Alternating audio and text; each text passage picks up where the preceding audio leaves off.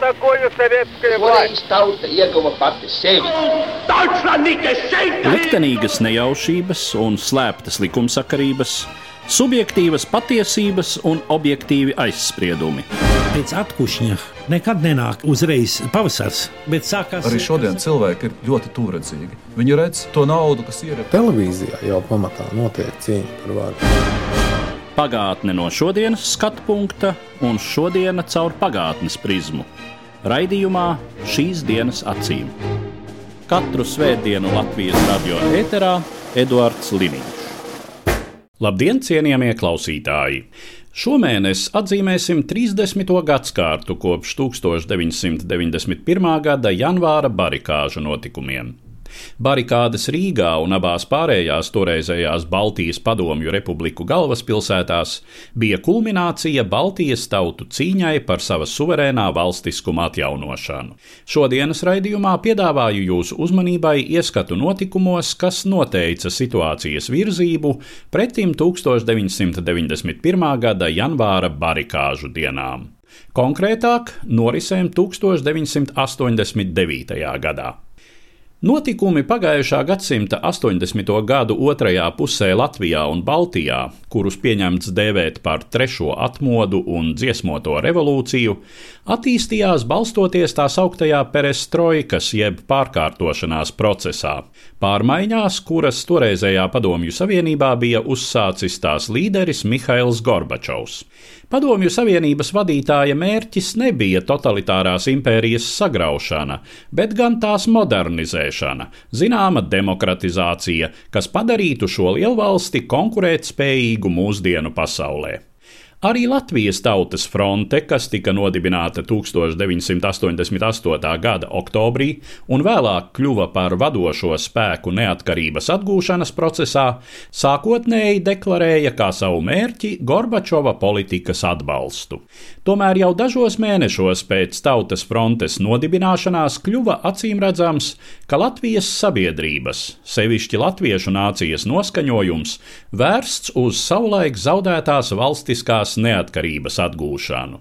Par izšķirošo lūzuma momentu uzskatāms Latvijas Tautas frontes valdes 1989. gada 31. maija aicinājums uzsākt diskusiju par iespējamu Tautas frontes iesaistīšanos cīņā par pilnīgu Latvijas ekonomisko un politisko neatkarību ārpus Padomju Savienības.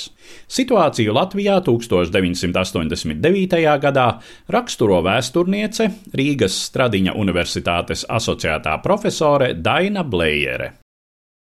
Pirmais tautas frontes darbības gads bija ļoti iezīmīgs tādā ziņā, ka visi tie galvenie procesi un galvenie spēki, kas darbojās neatkarības atgūšanas procesā, tieši šajā gadā ļoti skaidri diferencējās.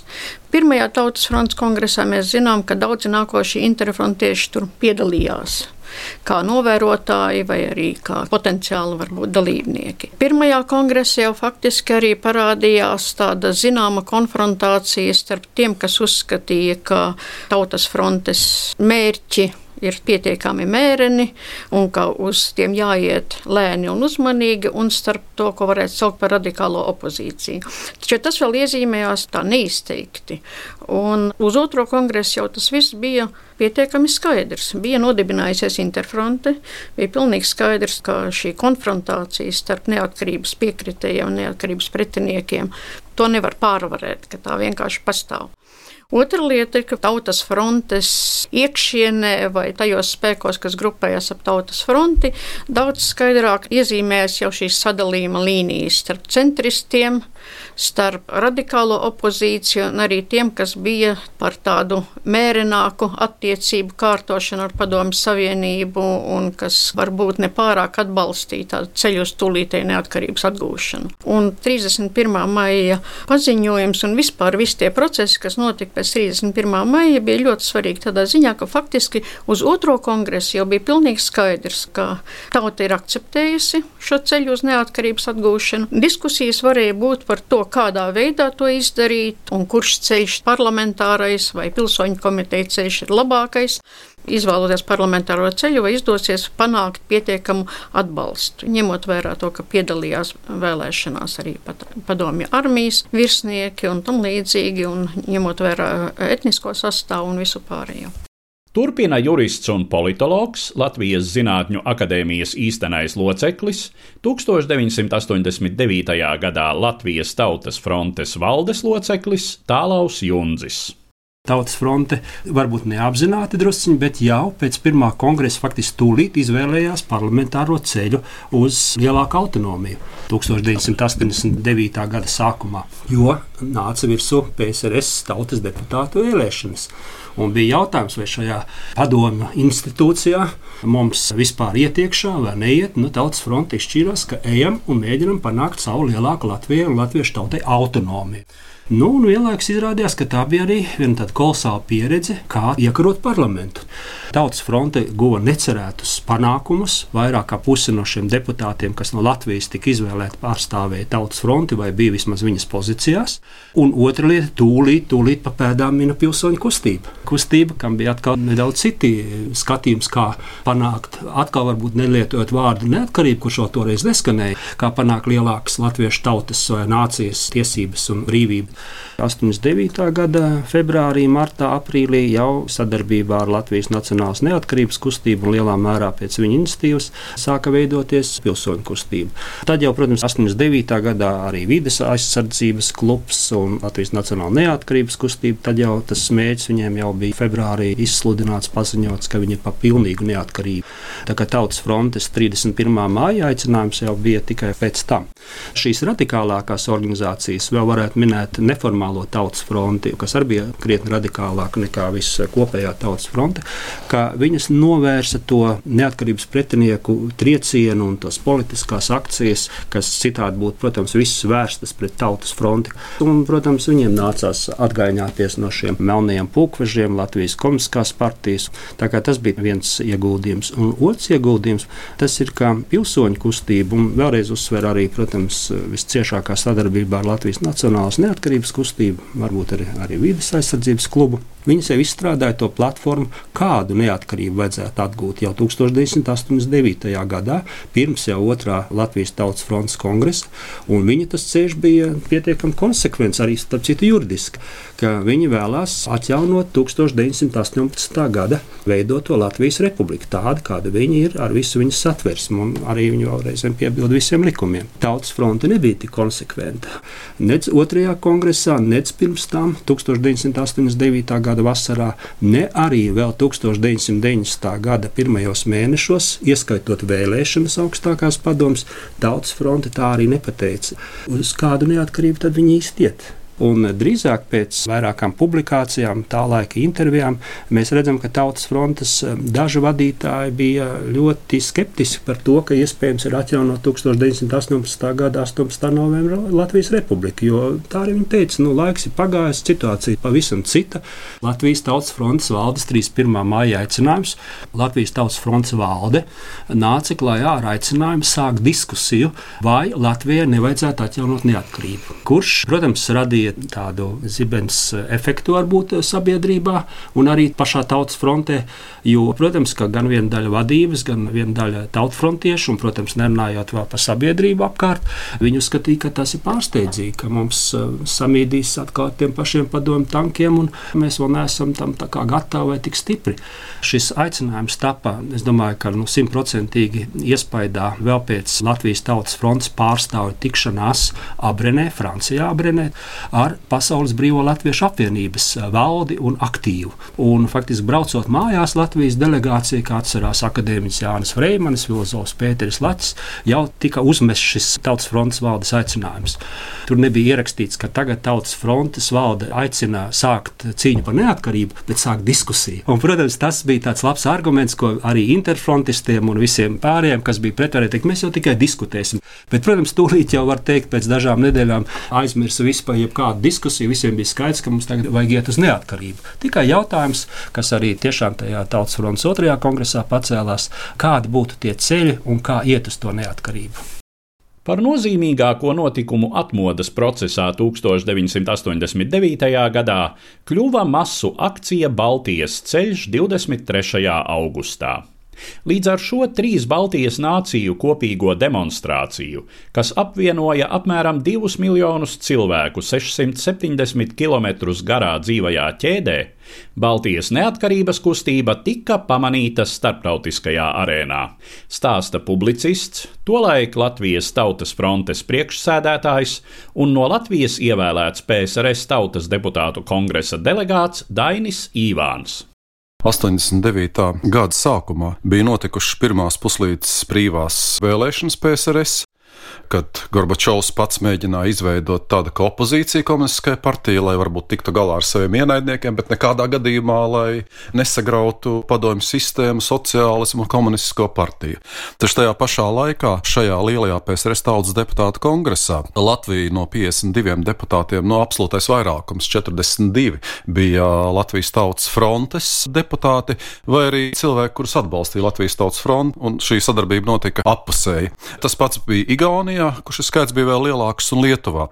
Tātad momentāli jau pēc Restāles deputātu kongresa izveidojās opozīcijas grupa eh, no Baltijas, un arī šīs deputātu grupas izveidošanās bija tāds ilgstošs 88. gada nogalē dibināto tautas kustību, Latvijas tautas frontes, Rahvarine un Sajūdis sadarbības rezultāts. Jau 88. gada nogalē mēs sanācām kopā, kur mēs vienojāmies, ka demokrātijas atjaunošana un valstu neatkarības atgūšana nav iespējama atsevišķi katrai no tolaik PSRS republikām ir jādarbojas kopā. Un jau maija vidū Tallinā notika tā saucamā Baltijas asamblēja, kur tad vienojās par to kopējo taktiku Maskavas tautas deputātu kongresā. Un Maskavā tad mums nākošais tas partneris, ar kuru mēs uzsākām ciešu sadarbību, bija starpreģionālā Krievijas demokrātisko deputātu grupa Andreja Saharova, Jurija Afanasjeva vadībā. Un interesanti, ka Saharovs jau mūsu pirmajā tikšanās reizē izvirzīja prasību, ka padomu impērija ir jādemontē un jādod brīvība apspiestajām tautām. Viņš minēja, starp citu, arī Krimas tatārus toreiz. Un tad mūsu šie galvenie uzdevumi, kas bija nosprausti Baltijas asamblējā, bija trīs pamatuzdevumi. Pirmais bija, mēs sapratām, ka, lai demontētu šo baismīgo totalitāro sistēmu, ir vajadzīgs atņemt impērijai šo vienas partijas monopolu. Tātad PSKP vadošās lomas svītrošana no tā saucamās PSRS konstitūcijas. Toreiz tas bija sestais pants PSRS konstitūcijā. Otrs vispārējais uzdevums bija vispārēja padomju savienības demokratizācija, jo mēs sapratām, ka aģitēdami, cīnīdamies par iespējām demokrātiskākiem likumiem, par brīvākām vēlēšanām padomju savienībā, mēs sagatavojam augsni mierīgai pārējai uz neatkarības atgūšanu un arī savas tautas izdzīvošanu. Un trešais uzdevums bija Rībbentropa Molotova slepeno protokolu izmeklēšana, pierādīšana, ka tie tiešām ir bijuši, jo Maskava Kremlis apgalvoja, ka tādu nav, un atzīšana par spēkā neesošiem no parakstīšanas brīža. Un te nu tieši šajā trešajā punktā, man liekas, radās visakūtākā nepieciešamība pēc Baltijas ceļu, ņemot vērā, ka 89. gads arī bija šī bēdīga slavenā pakta 50. gada diena. Jo ar Baltiešu un Krievijas demokrātu grupas, kas bija mazākums pēc Restāles deputātu kongresa, tomēr milzīga aktivitāte un argumentāciju, Gorbačovs piekrita, ka tik Aleksandra Jakovļeva vadībā izveidota Ribbentrop pa Molotovu pakta izmeklēšanas komisija. Šī komisija sāka aktīvu darbu. Mūsu Mauriks Vulsons devās meklēt pēdējos atslieciniekus Vācijā, rakņājās pa Vācijas arhīviem, jo dīvainā kārtā pēc restaudas deputātam Kremļa arhīvi bija slēgti. Tur šos oriģinālus slēpa no mums, kaut arī Gorbačovs zināja, ka tie ir. Vairāk kārtīgi tika izvirzīts jautājums, jo faktu bija savākt diezgan daudz vasaras laikā, ka nu, vajadzētu tūlīt notikt komisijas sēdē un balsot. Gorbačovs visu laiku mēģināja šo jautājumu novilcināt. Maija beigās, 31. maijā, notika pēc Restāles deputātu kongresa milzīgā lielāka sesija, kur atkal notika šī stīvēšanās par Ribbentrop-Molotovu paktu. Un mēs domājam, nu, ko tad darīt tālāk. Pirmkārt, mūsu valde pieņēma lēmumu apspriest jautājumu par pilnīgi neatkarību no Padomju Savienības, un radās tā saucamais 31. maija Latvijas Tautas frontes aicinājums, kas vēlāk tika apstiprināts arī Tautas frontes domē. Maskavā sākās pretreakcija, kā augšā tribīnē tāds virsnieks Melnais pulkvedis Viktors Alksnis, Igaunijas interfronts vadonis Kogāns un skaļās balsīs kliedz, ka baltieši ir jāpiežmiec, jo viņi graujot Padomju Savienību. Tieši šajā sesijā Gorbačovs kratīdams pirkstu rādīja uz mums un teica, jūs taču nodarbojaties ar revolūcijas eksportu, es to zinu. Vēlāk arī tādā personiskā tikšanās reizē ar mani. Viņš teica, Biedri Ivāna, jūs apdomājat savu nākotni, jo man uz galda ir visas sarunas, ko jūs runājat ar rietumu cilvēkiem, un jūs padomājat par sekām. Tad mēs, vadoties pēc šīs Tallinas asamblēja maija lēmuma, nolēmām, ka jūnijā ir jāsanāk pirmajai Baltijas padomē. Tas notika jūnijā, 15. jūnijas, man šķiet, Paņevēžā, tādā sarkanu ķieģeļu katoļu baznīcā. Un lietuviešu kolēģi teica, ka tā ir vienīgā vieta, kur viņi zina droši, ka pusotra metra biezajiem mūriem eh, netiks cauri čekas mikrofoni. Igaunijas tautas fronts līderis Edgars Savisārs izvirzīja tādu jautājumu: draugi, mums vajag tādu spilgtu akciju tagad, jo parādīt arī rietumu pasaulē, ka mēs gribam brīvību, mēs nevarētu sadoties rokās lielā garā ķēdē no Tallinas caur Rīgu līdz Viļņai. Tas bija arhisvarīgi ne tikai tāpēc, ka process stagnēja PSRS tautas deputātu kongresā. Kremlis bija uzsācis arī aktīvu kontrpropagandu, jo arī rietumu masu medijos tieši tajā laikā sāka parādīties arvien vairāk rakstu, un bija saprotams, ka tie nāca no Maskavā bazētajiem korespondentiem, kuri pārsvarā barojās tikai no Kremļa informācijas avotiem, ka Baltijā atzimstot fašisms, ka notiekot Krievu diskriminācija, ja, un pat rietumos tas parādījās. Un mēs sapratām, ka mums ir jāparāda rietumu pasaulē, ka mēs neesam nekādi ekstrēmisti, un ka mēs miermīlīgā, nevardarbīgā ceļā negribam vairāk neko, kā tikai savu brīvību. Mēs nolēmām, ka līdz nākošajai Baltijas padomus sēdē mēs apspriedīsimies katrs savā kustībās, vai mēs to varam. Un Latvijas Tautas frontes doma tūlīt pat sāka kalkulācijas. Un mēs aprēķinājām toreiz, ka Latvijā ir vajadzīgs nu, apmēram pusotru metru vienu cilvēku, tātad mums vajadzēja šo dzīvo spēku izrēķināt. Sarežģītāks jautājums bija, par ko mums vajadzēja būt pārliecinātiem, vai mums izdosies vienoties ar toreizējo Latvijas PSR ministru padomu par transporta plūsmas apturēšanu. Un tad mēs domājām, plānu B, ja gadījumā transporta plūsma neaptur, kā mēs neizraisot nekādus ekscesus no milicijas puses, tomēr šo Baltijas ķēdi izveidojam. Kaut arī Rīgā tas būtu bijis ļoti sarežģīti. Bija pat doma, ka tā varētu apiet Rīgu tādā gadījumā, ja mums nebūs šī atbalsta no toreiz oficiālajām struktūrām struktūrām. Bet nu, tajā laikā ministru padomes priekšsēdētājs bija Vilnis Edvins Bress un vietnieks Alfreds Čepāns. Arī tāds lietu pārvaldnieks Līcis bija, kuri diezgan tā noteikti atbalstīja Latvijas Tautas fronts ideju un solīja, ka viss šis tehniskais nodrošinājums ar autoinspekciju, ceļu un kustības slēgšanu mums tiks sniegts. Tāda darbība bija iekšienē, un darbība bija ar to, lai pievērstu maksimālu pasaules uzmanību. Informācijas centru toreiz vadīja Armīta Tēlere, tad, lai būtu pēc iespējas vairāk šo ārzemju žurnālistu Latvijā, jo mēs sapratām, ka tas ir informācijas karš arī, ja, un ka mums ir jāpārspēj Kremlis šajā informācijas karā. 15. jūlijā, jau pēc mēneša, Pērnavā Tur brauc delegācijas ar pieciem cilvēkiem no katras tautas kustības.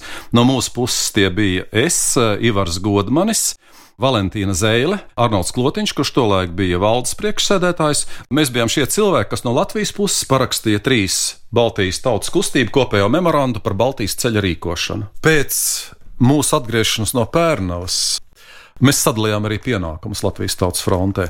Vispirms Baltijas ceļa politiska organizēšana uzticēja Arnoldam Klotiņam, bet praktiskos pienākumus veica Sandra Kalniete, kura arī izveidoja Tautas frontes praktiskās sagatavošanas darba grupa, kur tie praktiskie darbinieki, kurus man gribētos tagad nosaukt, mūsu nodaļu koordinatora Zintra Pededze, tas bija Mans Kulinskis, Anita Dūdiņa, Irēna Zicāne, Sarmīta Ēlerte, Jānis Jurkāns, kuram savukārt vajadzēja nodarboties ar vīzu izgādāšanu tiem ārzemju žurnālistiem, diplomātiem, kuri gribēja nokļūt uz Baltijas ceļu, Inns Upmats, Viesturs Kozēls un Artūrs Dudars, kurš bija mūsu saimnieciskais vadītājs. Nu, un tāds šis mēnesis pagāja ļoti intensīvi strādājot. Tur 26 rajoni bija rajona nodaļas, kuras nodarbojās ar tautas frontes darbu organizēšanu. Bet Baltijas ceļš iet caur Bauskas rajonu, Rīgas rajonu, Cēs rajonu, un tad caur Valmieras rajonu, caur Unguriņiem aiziet uz Igauniju. Tātad bija jāsaplāno, kuri rajoni palīdzēs šiem četriem rajoniem. Nu, praktiski katru nedēļu, ja ne pat vairākas reizes nedēļā, organizēšanas periodā viņiem šai grupai kopā ar rajonu koordinatoriem notika sadarbība, jo mēs sapratām, ka tā organizēšana būs ļoti grūta. Nu, īsnībā tas joprojām ir bezprecedenta pasākums, akcija visā pasaules vēsturē. Bet tajā laikā, sevišķi jaunai paudzei, kas klausās, ir jāiedomājas, ka nebija nekāda tīmekļa, pa kuru varēja ātri uzklikšķināt un zināt, kas kur notiek. Kā bija tas telefons arī? Un tad pēdējā sanāksme, pēdējā notikumu saskaņošana notiek Cēsīs, vietā, ko es īstenībā joprojām nevarētu atrast, jo mēs bijām vienojušies ar CS Tautas fronts nodaļā Ivara Prauliņa un ar Māri Lukaižu, ka jūs nogādājiet lietuviešu, šigauņus un latviešu atsevišķi, nevis pa vienu ceļu atsevišķos laikos, un nogājiet tā, lai čekisti nezinu, kurien mēs aizbraucam, nenoklausās. Un tam mums visādiem meža ceļiem aizved uz tādu tā kā pirtiņu, un tur notika visu dienu, no rīta līdz vakaram notika šī pēdējo tekstu apspriešana protokoli. Mums bija norunāts, ka pašā atbildīgākajā Baltijas ceļa brīdī, tas pulksten 19. Un stundu pirms tam, tātad sākot no 6. Latvijas rādio notiks tiešā translācija. Jo bez kabatas tālruņiem mēs varēsim caur Latvijas radio translāciju koordinēt cilvēku sastāšanos, satiksmes plūsmas regulēšanu, jo visiem rajonu koordinatoriem bija piekodināts ieslēgt radioaparātus automašīnās un organizēt kustību, jo no viņiem mums pienāktu ziņas arī, kā notiek šī ceļa izveidošana. Bet 23. augusta rīts mums nāca ar ļoti nepatīkamu, nu, būtībā pat šokējošu pārsteigumu, kas brīdi mums lika nolaist rokas bezpalīdzībā. Latvijas kompartijas centrāla komitejas ideoloģiskais sekretārs Ivars Česbers piezvanīja un pateica, ka centrāla komiteja aizliedz radiotranslāciju. Ivars Česbers arī bija PSRS tautas deputāts un tā kā nu, tautas fronts atbalstīts, bet no acīm redzot, tas spiediens vai tā iebiedēšana no VDK Un no Maskavas puses ir bijusi tik liela, ka viņš acīm redzot, ir bijis spiests piekāpties, jo rādio bija pakļauts centrālajai komitejai. Un mums vajadzēja domāt, ko darīt.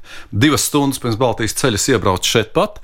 Man pat šķiet, šajā pašā studijā, kur es šodien atrodos, manas pretī sēdēja Normons Beļskis. Mums bija tautas frontes piecminūšu raidījumi, kad mēs parasti devām vienreiz nedēļā ziņas, kas notiek tautas frontē.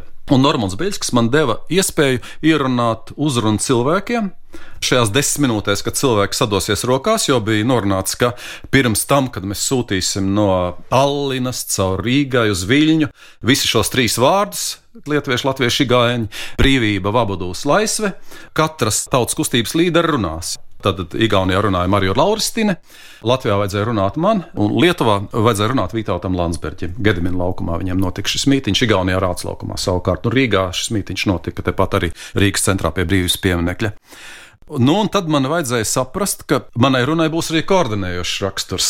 Divas stundas iepriekš man vajadzēja kā, nu, paredzēt, kā cilvēkiem rīkoties tajā brīdī. Man vajadzēja iedomāties to atmosfēru, kāda būs pēc divām stundām, kad mēs sadosimies rokās.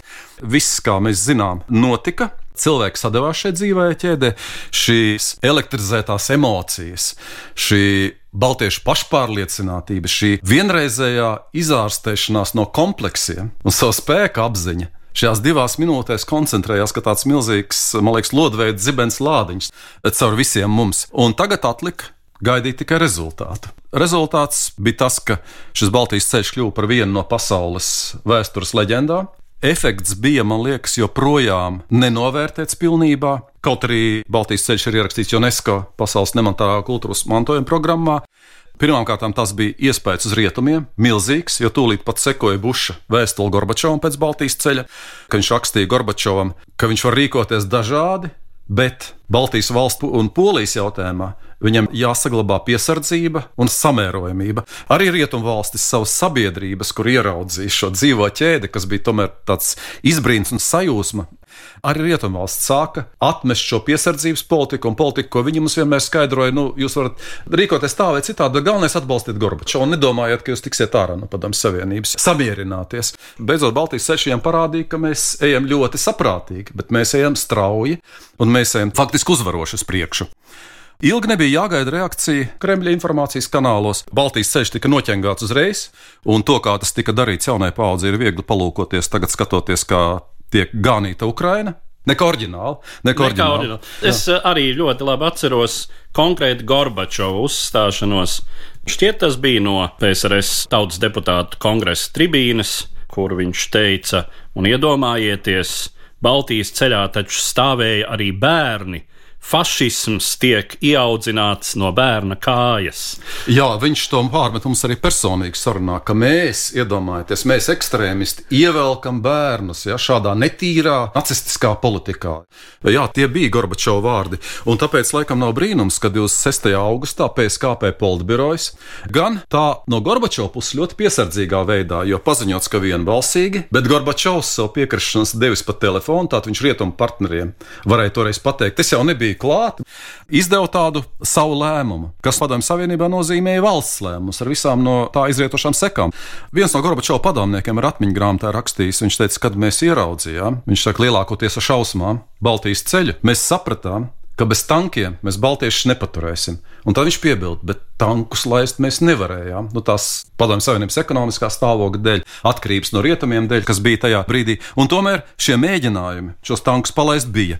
Jo 26. augusta paziņojumā bija skaidri un gaiši pateikts draudz.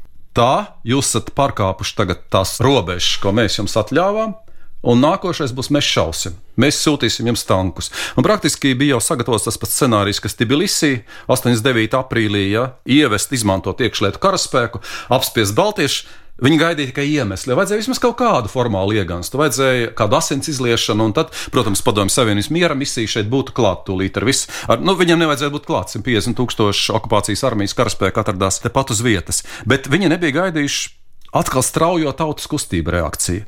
Jo tūlīt pat šajā pašā dienā, tā bija svētdiena, mēs tūlīt pat sasaucām Tautas frontes mājā visas tajā laikā Latvijā esošos PSRS tautas deputātus. Tie bija šķiet 22 un 24 toreiz Latvijas PSR deputātus, kuri bija gatavi atbalstīt Latvijas Tautas fronti. Un uzrakstījām kopēju paziņojumu, kur rakstījām, ka mūsu centieniem un mūsu izturībai, mūsu brīvības mīlestībai šodien pienākusi pārbaudas stunda.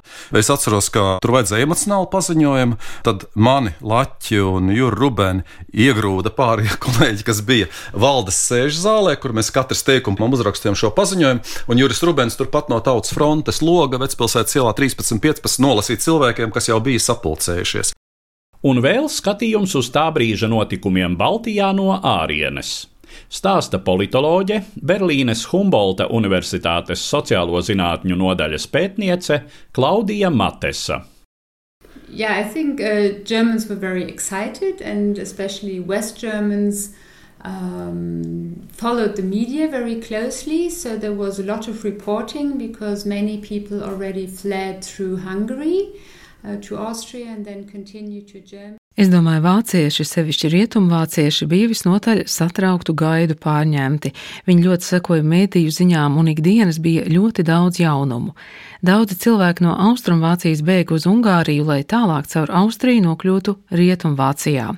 Rudenī šo kustību jau turpināja tie, kuri bēga uz Rietumvācijas vēstniecību Prāgā.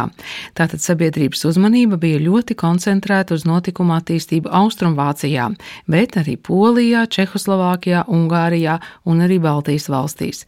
Es teiktu, ka tolaik cilvēki ļoti cieši sekoja notiekošajam. Es teiktu, ka šajos gados ļaudis sāk interesēties par Baltijā notiekošo pirms tam, ja vecākā paudze diezgan labi zināja par Baltiju, arī par atšķirībām starp trim valstīm, tad jaunākajai paudzei, manuprāt, tas viss bija ļoti tālu. Tad nu tie, kuri vispār interesējās par vēsturi un politiku, tobrīd ieguva izpratni par Baltijas īpašo situāciju, par Vācijas lomu tajā, par Hitlera Staļina paktu. In the beginning, people probably were not so aware of the specific situation of the occupation and also the demographic Sākotnēji cilvēki domājams īpaši nezināja par specifisko okupācijas situāciju, par notikušajām demografiskajām izmaiņām sevišķi jau Latvijā un Igaunijā. Sākotnēji viņi iespējams izjūt zinām atgrūšanos. Šīs kustības viņiem varēja šķist pārlieku nacionalistiskas, visa tā karogu pacelšana, kolektīvā tautas dziesmu skandēšana. Es domāju, jaunajiem rietumvāciešiem tas viss varēja šķist mazliet dīvaini, cik tā toreizajā Vācijas Federatīvajā republikā viņi bija audzināti nesevišķi patriotiskā garā. Bet tad, es domāju, cilvēki saprata un vairāk uzzināja par Baltijas kustību vēsturiskajiem iemesliem, un arī vairāk sāka izprast specifisko situāciju Baltijā un to, ka šīs kustības nav liekams tā sacīt nacionālistu šovinistu plauktiņā. Since Gorbachev was very popular in Germany. So, in the beginning, people were a bit hesitant since they considered Gorbachev as a reformer, the friend. Tā kā Gorbačovs Vācijā bija ļoti populārs, tad sākumā cilvēks svārstījās. Viņi uzlūkoja Gorbačovu kā reformātoru, kā beidzot rietumiem draudzīgu, nevairs ortodoksāli komunistisku politiķi, kuram varēja uzticēties. Tāpēc viņi varbūt bija skeptiski par nacionālās atbrīvošanās tendencēm Padomju Savienībā kopumā. Taču tā kā starp Vāciju un Baltijas valstīm vēsturiski bija allaž bijušas vairāk vai mazāk ciešas saites, tad cilvēki ieinteresējās par šo valstu specifiku un vēsturisko situāciju un sāka labāk saprast Latvijas tautas frontes un pārējo kustību mērķus. Runājot par pašu Baltijas ceļa akciju. Es domāju, ļaudis šeit jutās ļoti iespaidoti, ka šāda akcija ir īstenojusies un ka patiešām ir bijis iespējams saslēgt cilvēku ķēdē trīs zemes. Tāpat, ka tas viss notika ļoti mierīgi, tātad tas viss radīja plašu, draudzīgu ieinteresētību. Ļaudis novērtēja akcijas dalībnieku drosmi. Tā gan bija arī daļa no plašāka procesa, kad Rietumvācijas sabiedrībā veidojās daudz atvērtāka, daudz ciešāka piesaista kustībām Polijā un Čehoslovākijā, kur arī cilvēki tiecās mainīt politisko sistēmu savās valstīs. Līdz ar to izskan mūsu šodienas raidījums, kurā vēstījām par trešās atmodas norisēm, kas tuvināja Baltijas tautu atbrīvošanās kustību pagājušā gadsimta 80. gados tās kulminācijai 1991. gada janvāra barikāžu dienām. Šodienas raidījumā dzirdējāt par notikumiem 1989. gadā. Uzklausījāt vēsturnieci Rīgas Stradiņa Universitātes asociēto profesori Dainu Blējeri, publicistu, savulaik Latvijas Tautas frontes priekšsēdētāju Daini Īvānu, juristu un politologu Latvijas Zinātņu akadēmijas īsteno locekli Tālavu Junci un politoloģi Berlīnes Humbolta Universitātes sociālo zinātņu nodaļas pētnieci Klaudiju Matesu. Par turpmākajām norisēm atmodas procesos, konkrēti 1990. gadā, klausieties mūsu raidījumā nākamsvētdien, 10. janvārī. Uz redzēšanos, cienījamie klausītāji! Katru svētdienu Latvijas radio viens par pagātni sarunājas Eduards Liniņš.